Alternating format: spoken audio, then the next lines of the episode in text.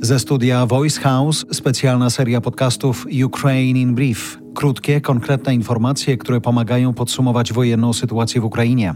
Wiadomości, które usłyszysz za chwilę, dotyczą 30 kwietnia 2022 roku. Jeżeli Mariupol to piekło, podziemia huty Azovstal są gorsze, mówi burmistrz okupowanego miasta. Od ponad dwóch miesięcy trwa bombardowanie i obrona Mariupola. W katakumbach pod kompleksem przemysłowym Azovstal jest kilkuset cywilów i między innymi szpital polowy dla broniących Mariupola bojowników ukraińskich. Niestety wróg ciągle niszczy nasze miasto, używa ciężkiej amunicji, zrzuca ciężkie bomby. Spadły one także na szpital, niszcząc go kompletnie. To zbrodnia wojenna. Ludzie, którym udało się uciec z Mariupola, mówią, że to piekło. Brakuje jedzenia, wody i leków.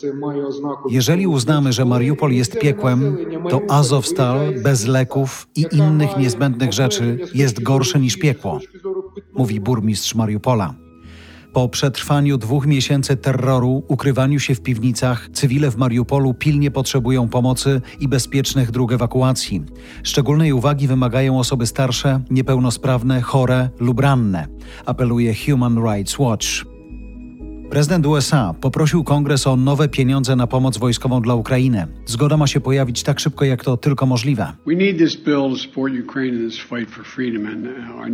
Musimy to zrobić dla Ukrainy.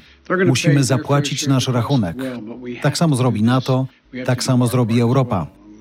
To nie jest tania rzecz, ale jak ustąpimy, to rachunek będzie jeszcze wyższy, mówi Biden.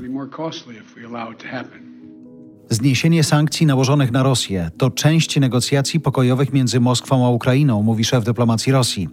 Ławrow policzył także, że ponad milion ludzi zostało ewakuowanych z Ukrainy do Rosji od początku wojny. Użył słowa ewakuowanych, choć wiele jest wiadomości, że ludzie są masowo i siłą wywożeni z Ukrainy. Przygotowujemy o tym zresztą w redakcji specjalny materiał. Według ONZ w Ukrainie musiało uciekać z domów z powodu wojny prawie 5,5 miliona ludzi. Polska Straż Graniczna podała w sobotę najnowsze wiadomości dotyczące odpraw na granicy. Od początku wojny przyjęliśmy 3 miliony uchodźców Nowy atak rakietowy na Odessę. Zniszczony został pas startowy lotniska. Nie może ono przez to działać.